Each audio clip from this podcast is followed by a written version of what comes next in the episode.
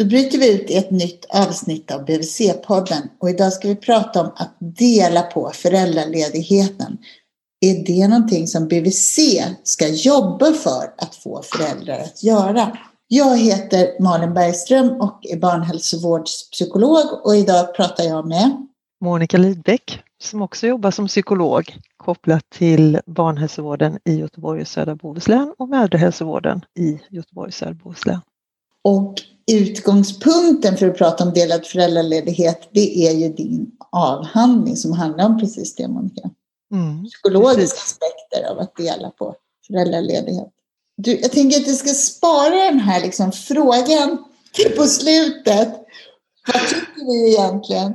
En cliffhanger. Ja. Alltså det är en sak så här, i, i sådana här frågor, så här, vad tycker jag, vad känner jag, vad är min erfarenhet och så. Men jag tänkte att vi skulle vara lite mer proffsiga och försöka lyfta blicken och se vad det faktiskt finns för belägg att tänka det ena eller det andra.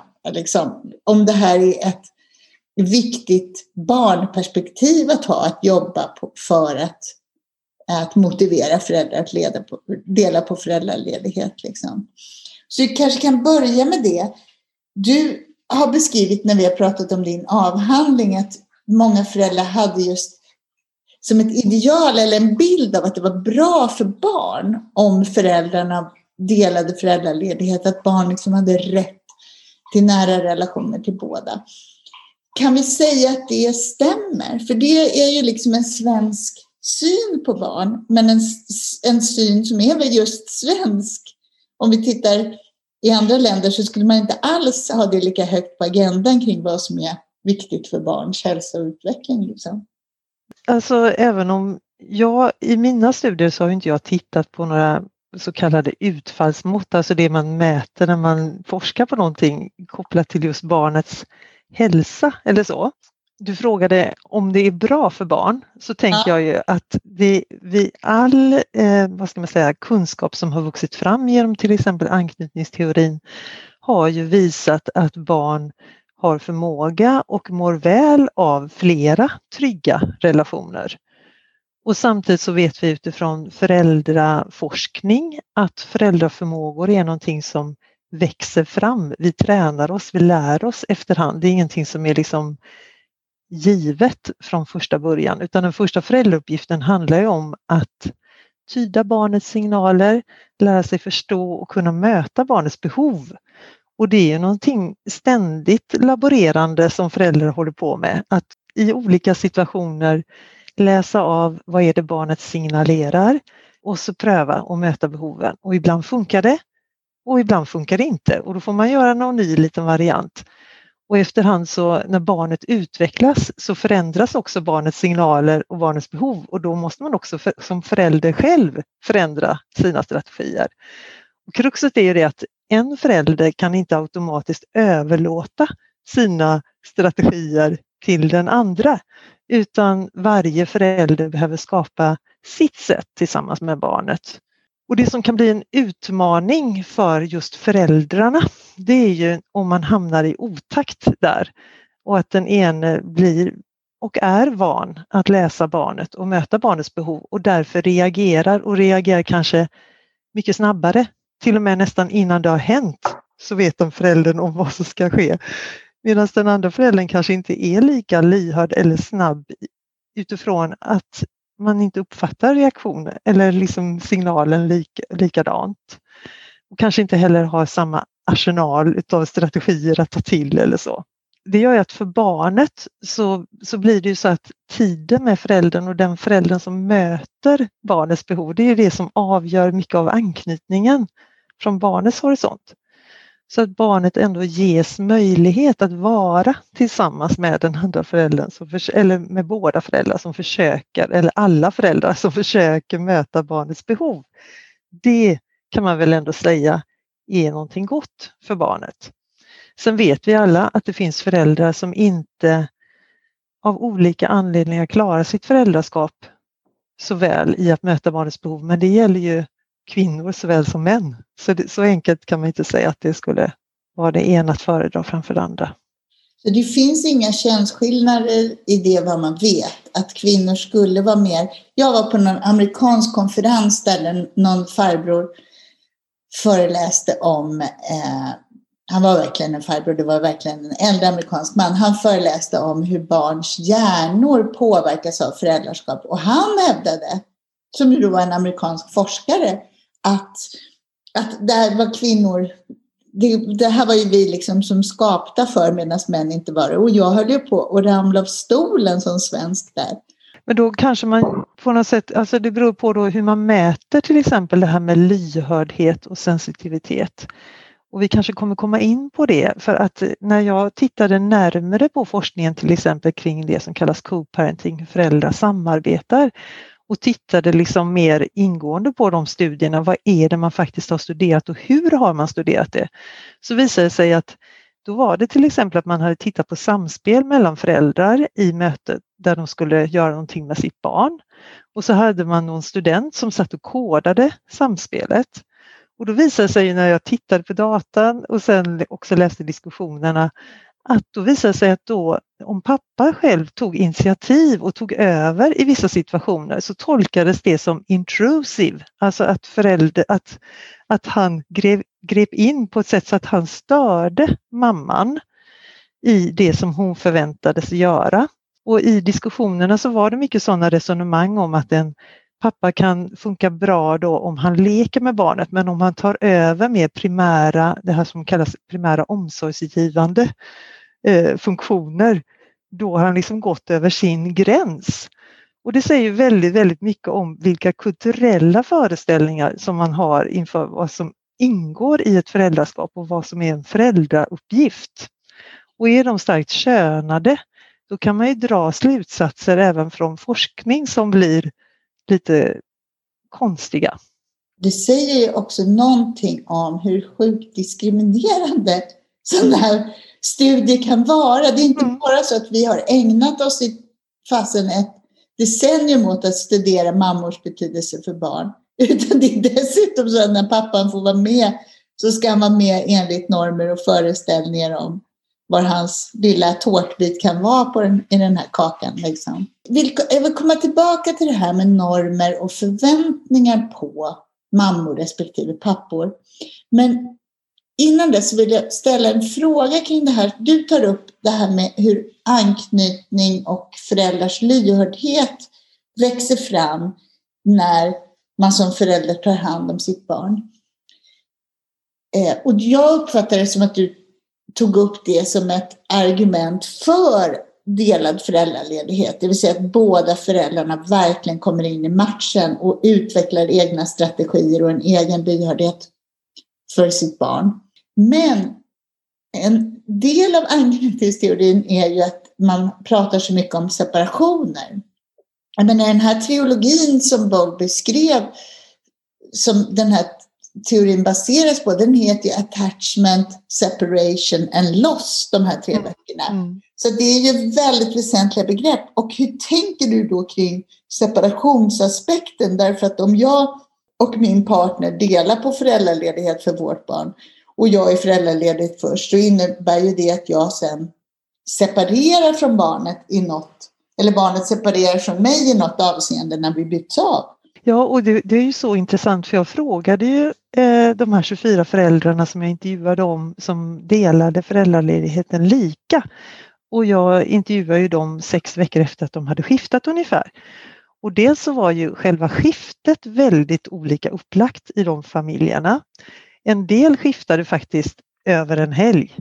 Eh, andra hade så otroligt genomtänkt att det var liksom över en semester, det var in och utfasning och det var andra som kanske jobbade, eller jobbade halvtid båda två en månad och det, liksom, det var olika sådana här eh, eller runt en jul eller sådär, att de liksom verkligen hade tänkt till att det skulle bli så smidigt som möjligt för barnet. Men, och nu var ju barnen mellan 7 och 13 månader så de var ju liksom i den åldern när barn ändå visar anknytningsbeteenden på olika sätt. Och det som var intressant var ju att det som föräldrarna beskrev var ju inte så väldigt tydliga separationsreaktioner hos barnet. Och det kan man ju tänka sig då att det kanske beror på att de här papporna som kom hem också var engagerade och delaktiga redan innan kanske. Men de beskrev ju också att några av de viktigaste strategierna de hade, det var ju att upprätthålla de vardagliga rutinerna för barnet så att barnet liksom skulle känna igen sig. Det var ju snarare mammor som beskrev svårigheten i att lämna. Att det var mer där utmaningen låg. Och någon tvåbarnsmamma som också hade tidigare erfarenhet av att dela lika tidigare, hon beskrev just hur hjärtskärande det är att lämna sängen på morgonen och se sitt lilla rosiga spädbarn ligga där och gå iväg till jobbet. Samtidigt som hon var så bestämt övertygad om och fick liksom argumentera med sig själv att jo, men det är det här barnet behöver och det är det här vi vill ge vårt barn. Vi vill ge en nära relation till båda föräldrarna och då växlade de väl runt eh, sju, åtta månaders ålder någonstans. Men då beskrev hon ju just att, att första dagen kände jag mig helt tom på jobbet och jag fick liksom samla ihop mig när jag gick ner och skulle öppna dörren. När jag skulle komma hem för då började jag nästan gråta. Men så sa hon också att efter några dagar så var det som att hon förvånades över hur tryggt hon kunde liksom landa i att barnet hade det allra bäst hemma med sin förälder och att hon också själv förvånades över hur hon kunde släppa barnet, även känslomässigt. Liksom. Men det är klart att det här är processer som, som, som också är ett fint tecken på att föräldrar har investerat så mycket i sina barn känslomässigt, tänker jag. Fast det är otroligt intressant. Jag menar, jag återkommer till mina erfarenheter av föräldrar som är separerade med bebisar mm. när de då ska ha, börja, barnen ska börja bo växelvis och så.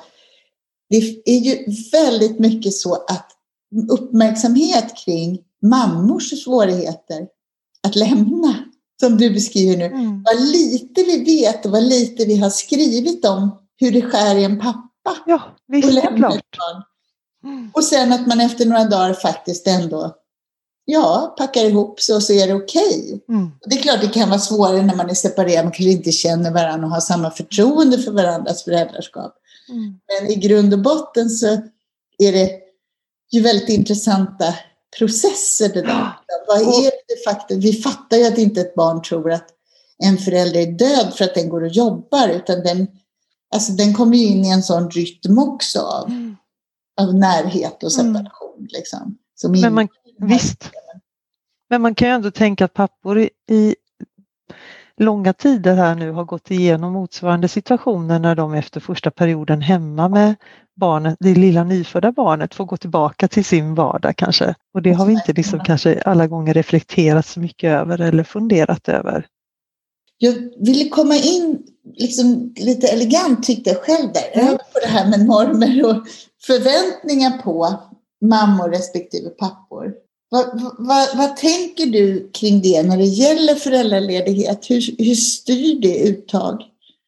Ja, men det är så intressant för tittar man på den forskning som finns och det är ju mycket sociologisk forskning så är det ju som att, eh, att kvinnor på något sätt, även om vi haft en könsneutral föräldraledighet i nästan 50 års tid, så är det ändå så att kvinnor på något sätt äger frågan. Vad var din fråga Malin? Hur, vad vi har för förväntningar på detta? Jo men då tänker jag så här att det är inte någon som frågar en kvinna så här, kommer du vara föräldraledig? Alltså det förutsätts ju mer eller mindre att en kvinna ska vara föräldraledig.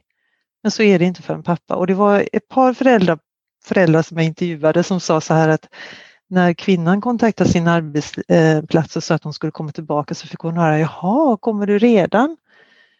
Och när pappan skulle gå så, så fick han frågan, jaha, hur länge? Eh, så att det finns ju ändå liksom, så fort man liksom viker av från den här normen som finns så får man någon slags reaktion på det ändå. Så det finns förväntningar men det är inte alltid som vi kanske ser dem förrän beslut fattas som ligger lite utanför den där normen. Tror du att vi reproducerar sådana här normer eller skapar sådana här normer på BVC? Jag tänker så här att vi alla oundvikligen bär med oss våra värderingar och våra egna erfarenheter och, och så. Det gäller ju att ha lite koll på dem såklart. Samtidigt så är det ju så att BHV-personalen möter ju föräldrar som kommer till BVC Och på grund av, vad ska man säga, strukturella förutsättningar kanske det egentligen inte är då, men det är ändå så att de flesta kvinnor tar ut mest föräldraledighet första året så därför blir det ändå att det blir mest föräldralediga mammor som kommer till BVC, även om det här har förändrats mycket, bara om vi ser tio år tillbaka i tiden. Eh, och jag tänker mig att det är otroligt viktigt hur vi som BHV-personal möter nyblivna föräldrar, hur vi inkluderar, frågar efter. Och jag själv hade liksom en liten spaning på mig själv eller insåg när jag själv jobbade som psykolog att om jag ringde och på den tiden, det låter ju som att det var hur länge sedan som helst, men när någon svarade en fast telefon så, så kunde jag ju ringa för att jag skulle ha ett föräldrasamtal. Och då hände det ju allt som ofta att pappan sa så här, ja, ja, men det får du prata med Anna om. Att man ville liksom lämna över till mamman väldigt snabbt. Men då kunde jag ändå höra mig själv i all slags välvilja säga till den här pappan, ja, men det är också väldigt bra om du kan komma loss eller komma ifrån. Och så insåg jag att det skulle jag ju aldrig säga till en mamma. Utan någonstans så har vi olika förväntningar mer eller mindre. Hur medvetna eller inte medvetna vi är så kommunicerar vi det här. Och därför tror jag att det är otroligt viktigt att vi redan från början kommunicerar. Jag ser dig, jag frågar efter hur du har det, jag räknar med dig som förälder oavsett vem det är som är föräldraledig. Och det handlar inte om att liksom, jag förstår att du har annat som är viktigare men när du, hade, när du har pratat med föräldrar och studerat det här. Vad tycker du att föräldrar själva hade för liksom, normer och förväntningar kring sitt föräldraskap? Du har ju pratat mycket om så här att de hade ett ideal, att det var viktigt för barnet att barnet var nära båda. Men betydde det att de tänkte att de stod för samma saker eller kunde du ändå få liksom, en feeling för de, hur deras normer såg ut kring mammors respektive pappors föräldraskap? Mm, det var lite olika faktiskt i de som jag intervjuade.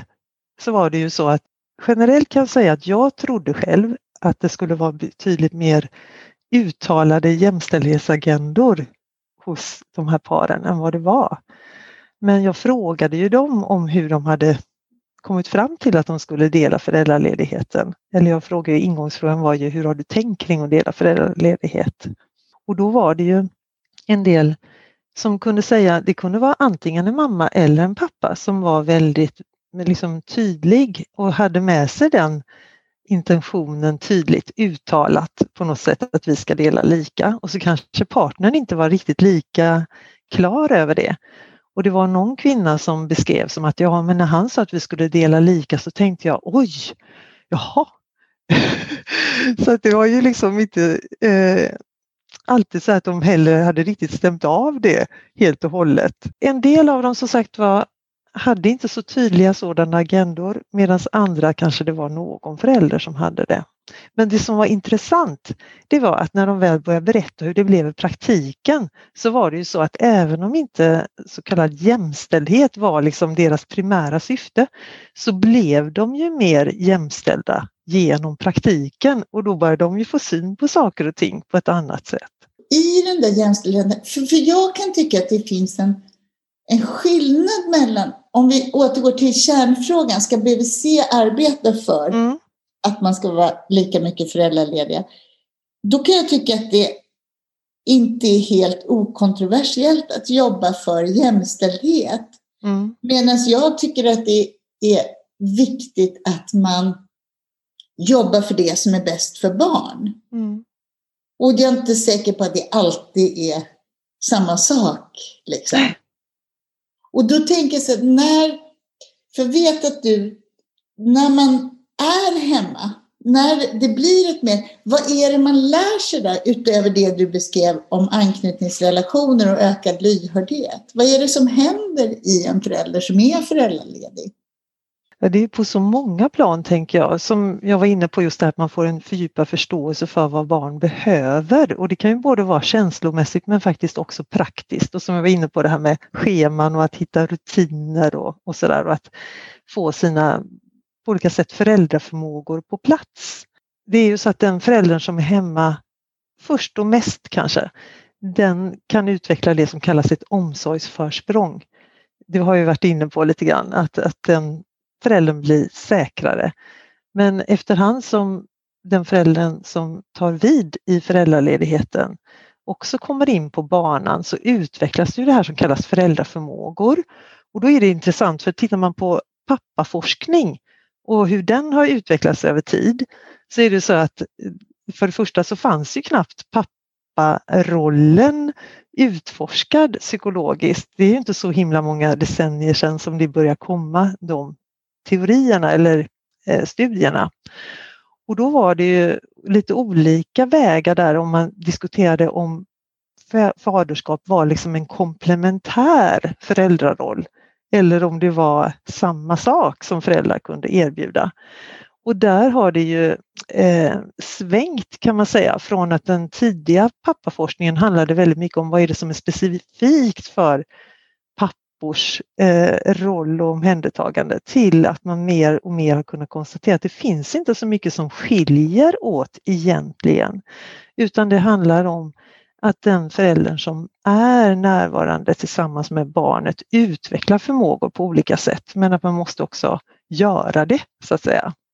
Och det där handlar inte bara om i stunden utan det handlar också om att någonting blir annorlunda på sikt. Liksom.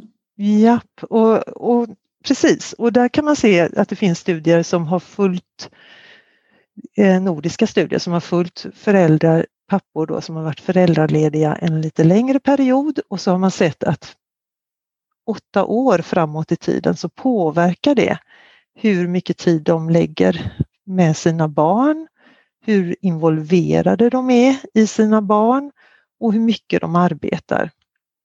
Och då får man ju ha koll på det här med bias, för det är klart att där i den gruppen som ingår så är det klart att det är redan engagerade föräldrar som har valt de här eller haft möjlighet att göra det här. Men det verkar fortsätta liksom i samma bana ändå. Och där kommer vi in på en annan knepighet i det här om vi verkligen ska pusha föräldrar att dela på föräldraledighet. Därför att vi inte kan veta om det är bra för alla. Om, mm. det, här, om det var bra för dem för att de ville vara sådär engagerade och jobba lite mindre och det var det som styrde från början eller om det de facto är så att det är rent de här inlärningsvinsterna som du beskriver. Och hur är det där om man tittar på i någon slags equity synpunkt på föräldraledighet. Hur olika är fördelningen av uttag mellan olika grupper i relation till ja, socioekonomi till exempel? Ja, då är det ju som med så mycket annat att det slår verkligen starkt igenom här. För tittar man på till exempel de som delar lika, ungefär 18 procent av föräldrar delar föräldraledighet lika. Och då är det ju så att bland de som har låga inkomster, då är det betydligt färre som delar lika. Det är ungefär 12 procent. Medan de som är mer höginkomsttagare, där delar 24 procent lika. Och man kan också se att i de grupper där det är personer som är tämligen nyanlända till Sverige till exempel så är det ju ett lägre föräldrapenningsuttag hos de papporna. Unga föräldrar tenderar att ta ut mindre föräldraledighet. De har ju oftast en låg det här sjukpenningsgrundande inkomst som ju föräldrapenningen bygger på. Och likadant eh, ensamstående föräldrar är, har också mindre föräldraledighet som de tar ut och det är ett liksom, tecken på att man kanske inte har ekonomiska förutsättningar att vara hemma i den utsträckningen.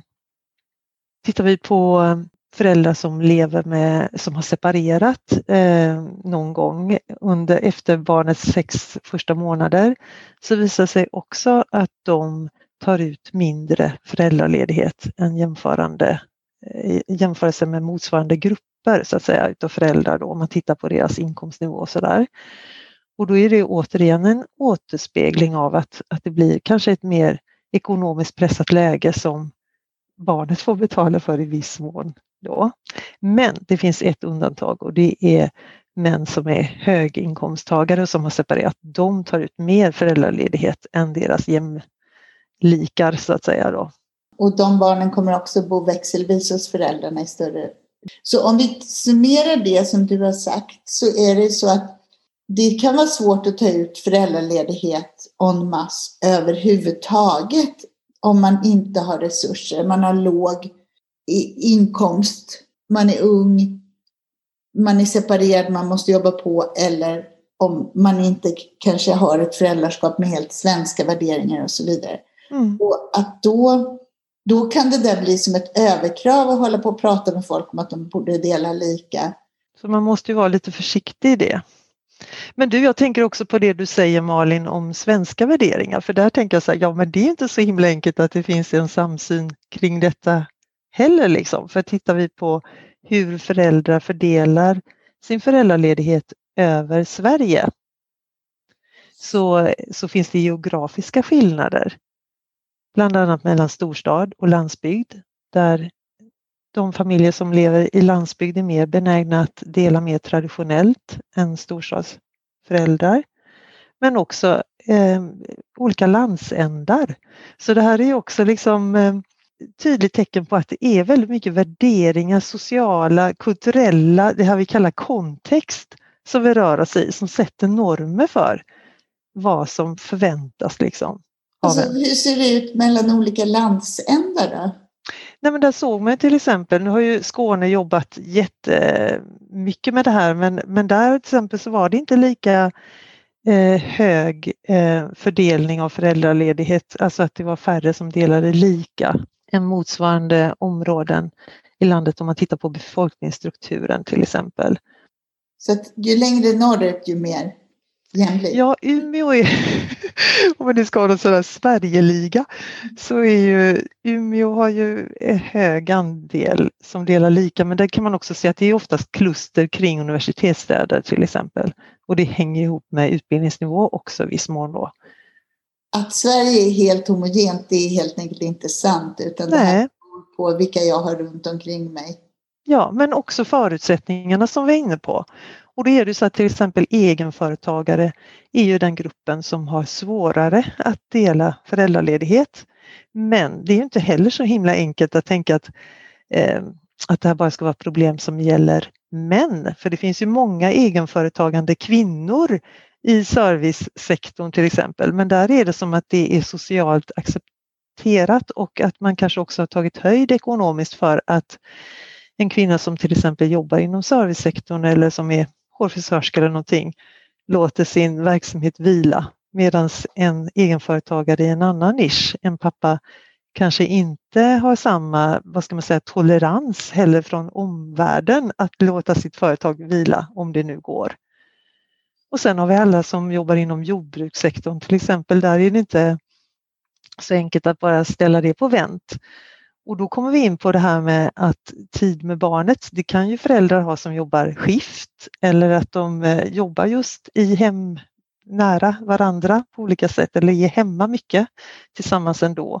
Så att det är inte bara så att föräldraledighet är den enda faktor som man kan prata med föräldrar om i liksom hur man kan vara en närvarande förälder utan det finns ju olika eh, förutsättningar för det. Men det är också intressant det du säger att om vi har en egenföretagande mamma och en egenföretagande pappa så kan både vi och föräldrarna själva ha olika föreställningar kring vilka företag som kan pausas. Mm. Och det där skulle man ju vilja rucka på om man tänker att alla människor skulle få lika förutsättningar.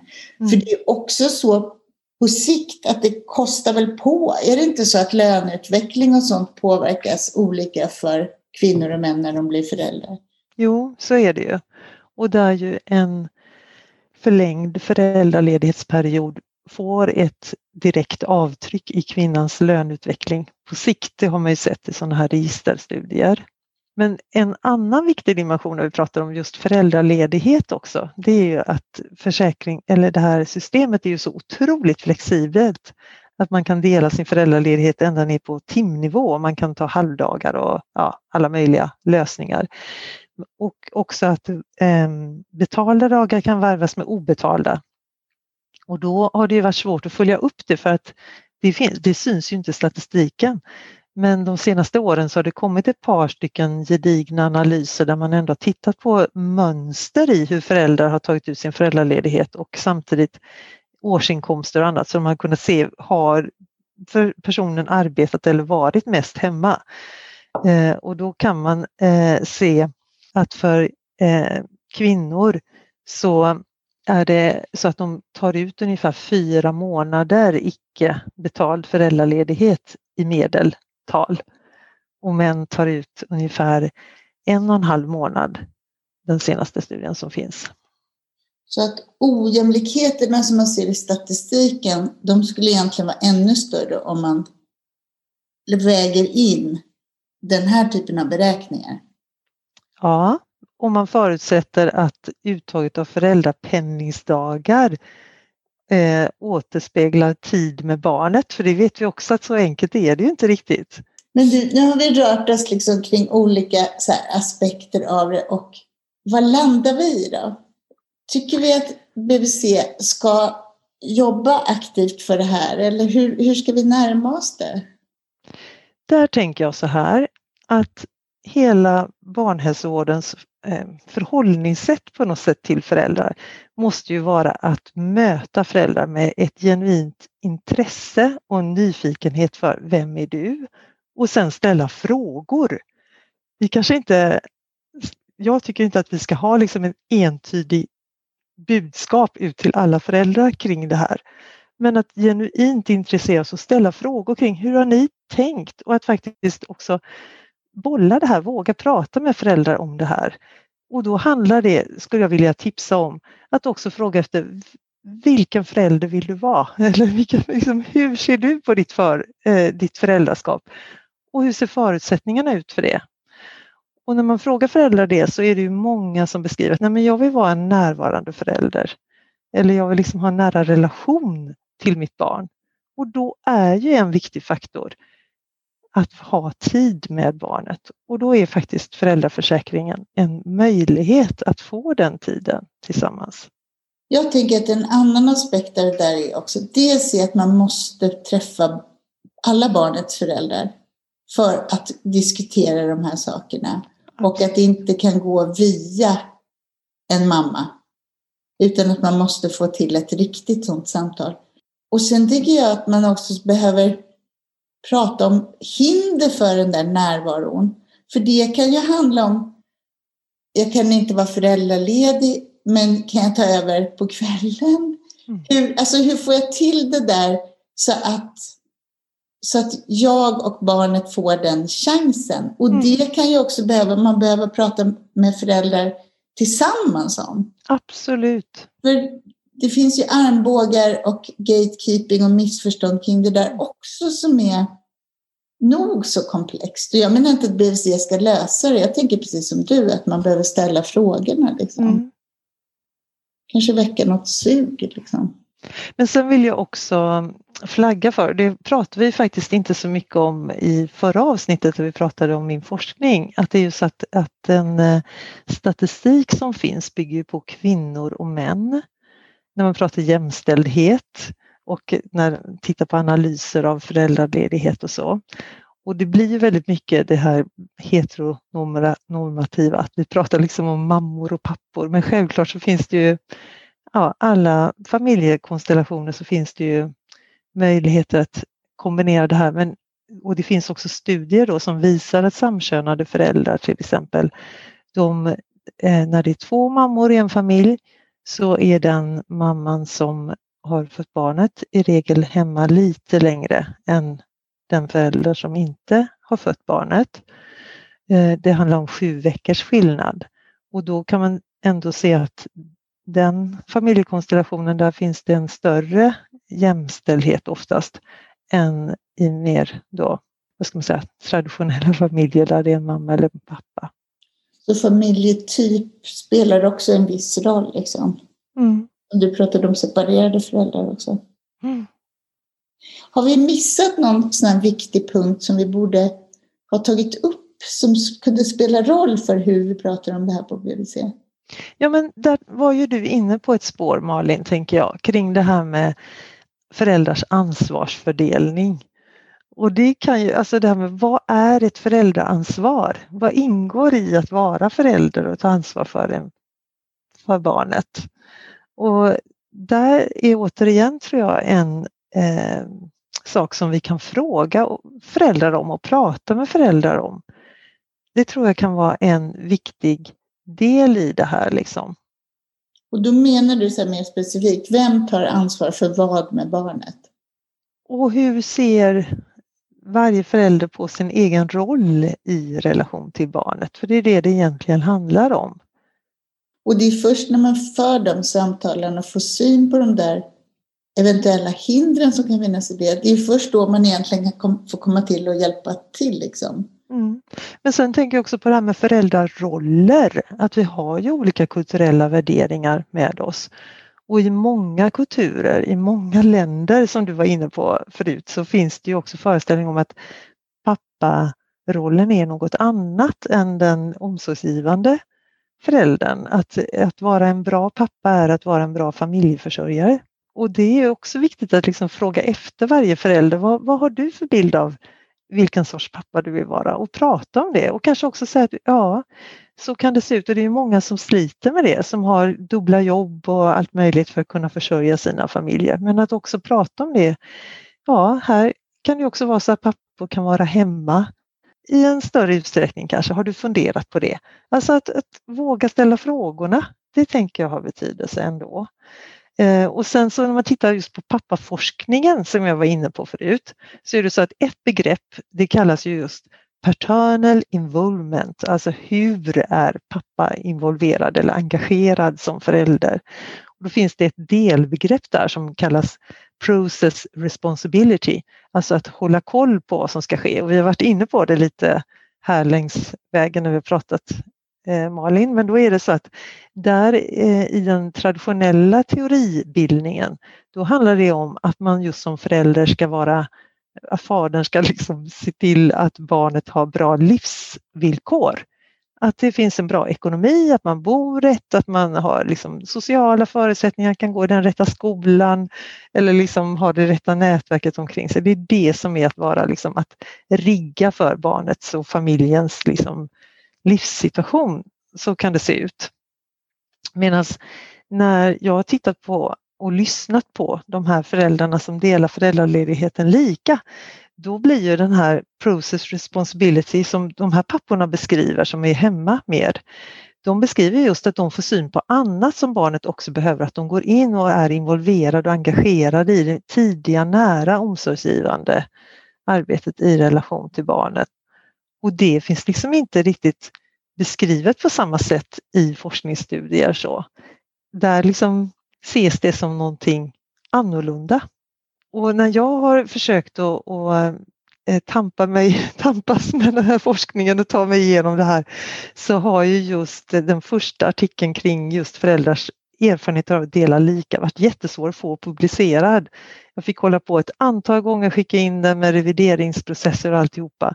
Och där jag fick tillbaka en hel del synpunkter från vad jag förmodar är amerikanska reviewers. Just med synpunkter kring att ja men pappor, så här, så här alltså det är så betraktas som så annorlunda extremt att pappor kan vara hemma tidigt och så länge och att det fungerar gentemot arbetslivet och så. Så jag tror det är viktigt att som BHV-personal ha koll på sina egna föreställningar och förutsätt, eh, liksom föresatser, att vi tror att alla är införstådda med saker och ting. Och istället liksom försöka möta varje förälder lite mer förutsättningslöst och fråga efter vad har du för bild av ditt föräldraskap och vad är det du vill liksom nå som förälder i relation till ditt barn? Och hur ser förutsättningarna ut för er? Jag tror att det låter det vara fina slutord i den här podden och så säger jag tack till dig Monica. Mm. Och så bryter vi ut från det här avsnittet. Ja, tack för att jag fick vara med.